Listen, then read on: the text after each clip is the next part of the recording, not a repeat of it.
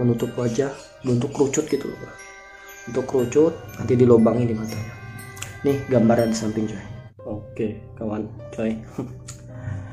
Kembali lagi dengan saya coy di channel kisah mistis coy.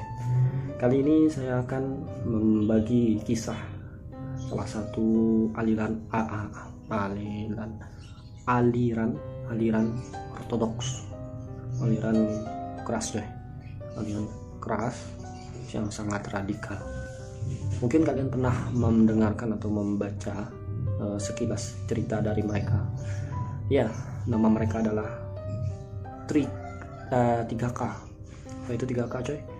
Ku Allah nyebutnya aja sulit saya. Ku Klux Klan. Oke dikenal juga dengan sebutan The Klan. Jadi mereka ini adalah kelompok rasis ekstrim yang berasal dari Amerika Serikat coy mereka berdiri pada tahun 1865 coy. Tujuan mereka apa? Tujuan mereka yaitu memberantas kaum kulit hitam. Kalian kulitnya apa coy? Nah kalau hitam kayak gue hati-hati coy kalau ketemu mereka ya. Santai coy. Oke sebelum ini intro dulu.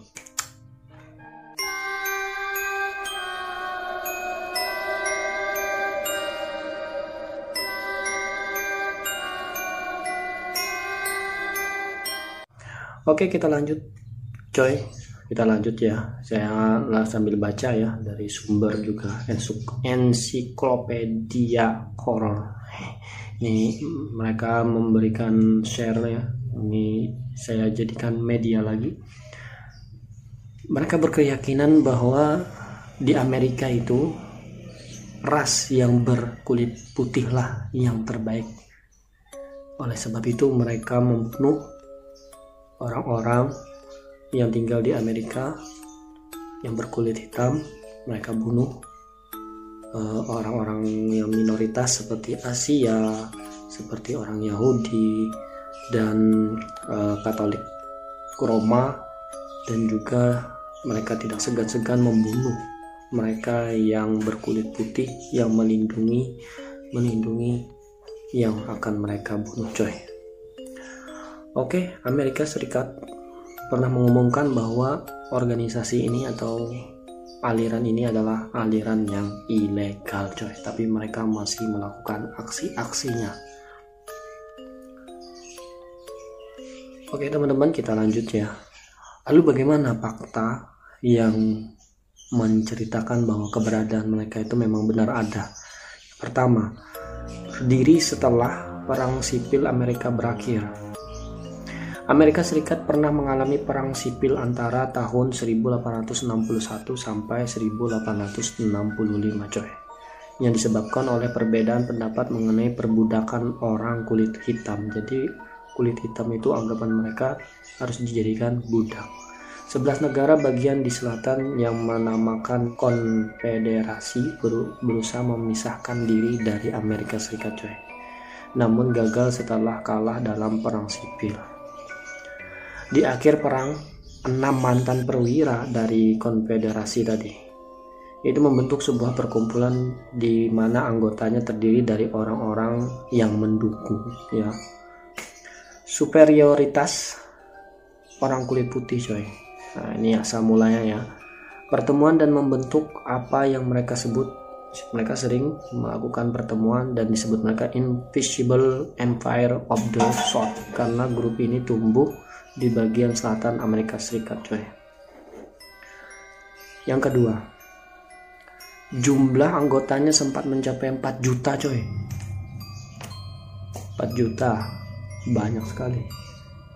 Yaitu sekali menyerang atau menghancurkan kabupaten di Kalimantan mungkin ya. Itu habis semua lebih banyak mereka daripada kami. Lanjut ya Jumlahnya tadi berapa? 4 juta. Di era 1920-an, Amerika Serikat mengalami perubahan sosial dan politik yang drastis, coy. Wanita lebih bebas berekspresi, urbanisasi meningkatkan diserta, eh, meningkat disertai imigran dari negara-negara lain. pelarangan alkohol dan semakin bebas orang kulit hitam mengekspresikan dirinya artinya orang kulit hitam ini mulai berani tampil di depan coy hmm. Hal-hal tersebut membuat orang-orang konservatif di selatan sangat tertarik untuk menjadi bagian dari Ku Klux Klan. Grup ini menekankan kepada anggotanya untuk anti imigrasi. Nggak boleh ada orang orang luar datang masuk ke Amerika. Intinya itu, kalau menurut saya, iri dengki coy. Anti imigrasi, anti Yahudi, anti Katolik, dan anti komunis.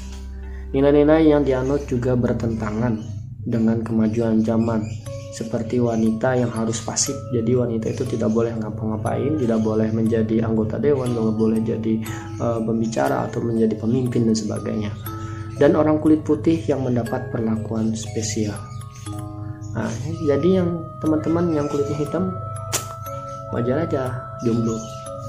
Tapi bukan eh tapi canda ya canda. Santai coy, santai. Yang stack dulu takut kan coy? Lanjut. Fakta yang ketiga coy. Aksi kekerasan dan ancaman. Anggota Ku Klux Klan merasa terancam dengan perubahan zaman. Mulai dari era ke setelah perang sipil hingga saat ini Amerika Serikat mengalami perubahan yang tidak bisa diterima oleh grup rasis ini. Terutama sejak orang kulit hitam mendapat peran lebih dalam masyarakat Grup ini sering melancarkan aksi-aksi yang didasari kebencian. Oke, dengan kebencian coy, namanya juga teroris ya coy.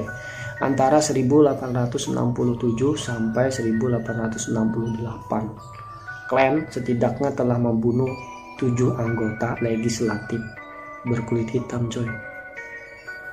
Bayangkan coy, pemberontak benar-benar. Pada tahun 1871, 500 orang bertopeng menyerang penjara dan menghukum mati 8 napi berkulit hitam.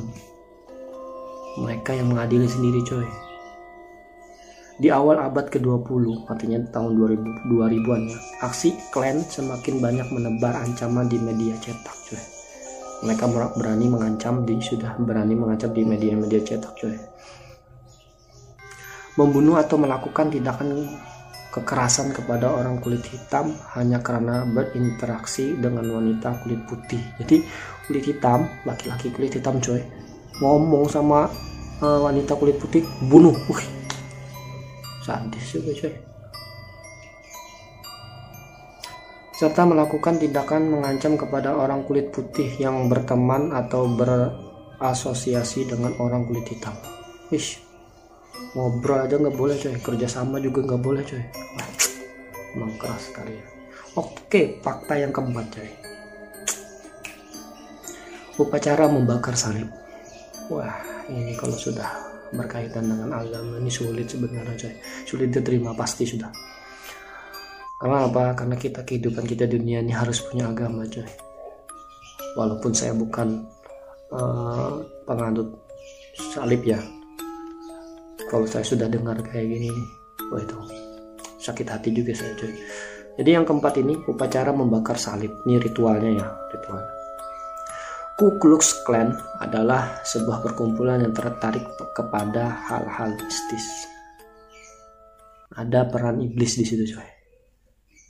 Para anggotanya didoktrin untuk melakukan ritual-ritual tertentu dan memakai kostum mulai dari inisiasi anggota baru hingga saat terapat jadi harus menggunakan pakaian ciri khas mereka coy. Ketika menjadi anggota baru maupun rapat. Ada rapatnya juga coy. Ritual yang terkenal adalah membakar salib. Itu yang paling terkenal coy. Membakar salib sebenarnya sudah dilakukan sejak lama sebagai bentuk protes. Jadi mereka itu membakar salib itu sebagai bentuk protes terhadap kesewenangan gereja. Namun bagi anggota Ku Klux Klan membakar salib adalah bentuk intimidasi terhadap musuh-musuhnya dan simbol memanggil orang-orang lain. Artinya sebagai bentuk perekrutan juga. Anda coy, tidak memanggil orang lain supaya ikut untuk berjuang.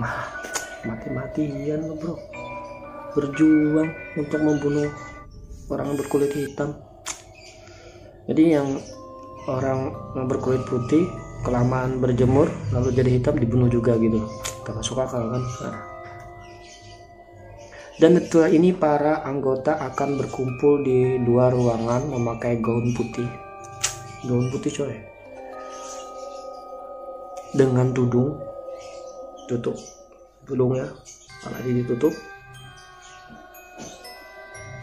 Menutup wajah bentuk kerucut gitu loh untuk kerucut nanti dilobangin di matanya.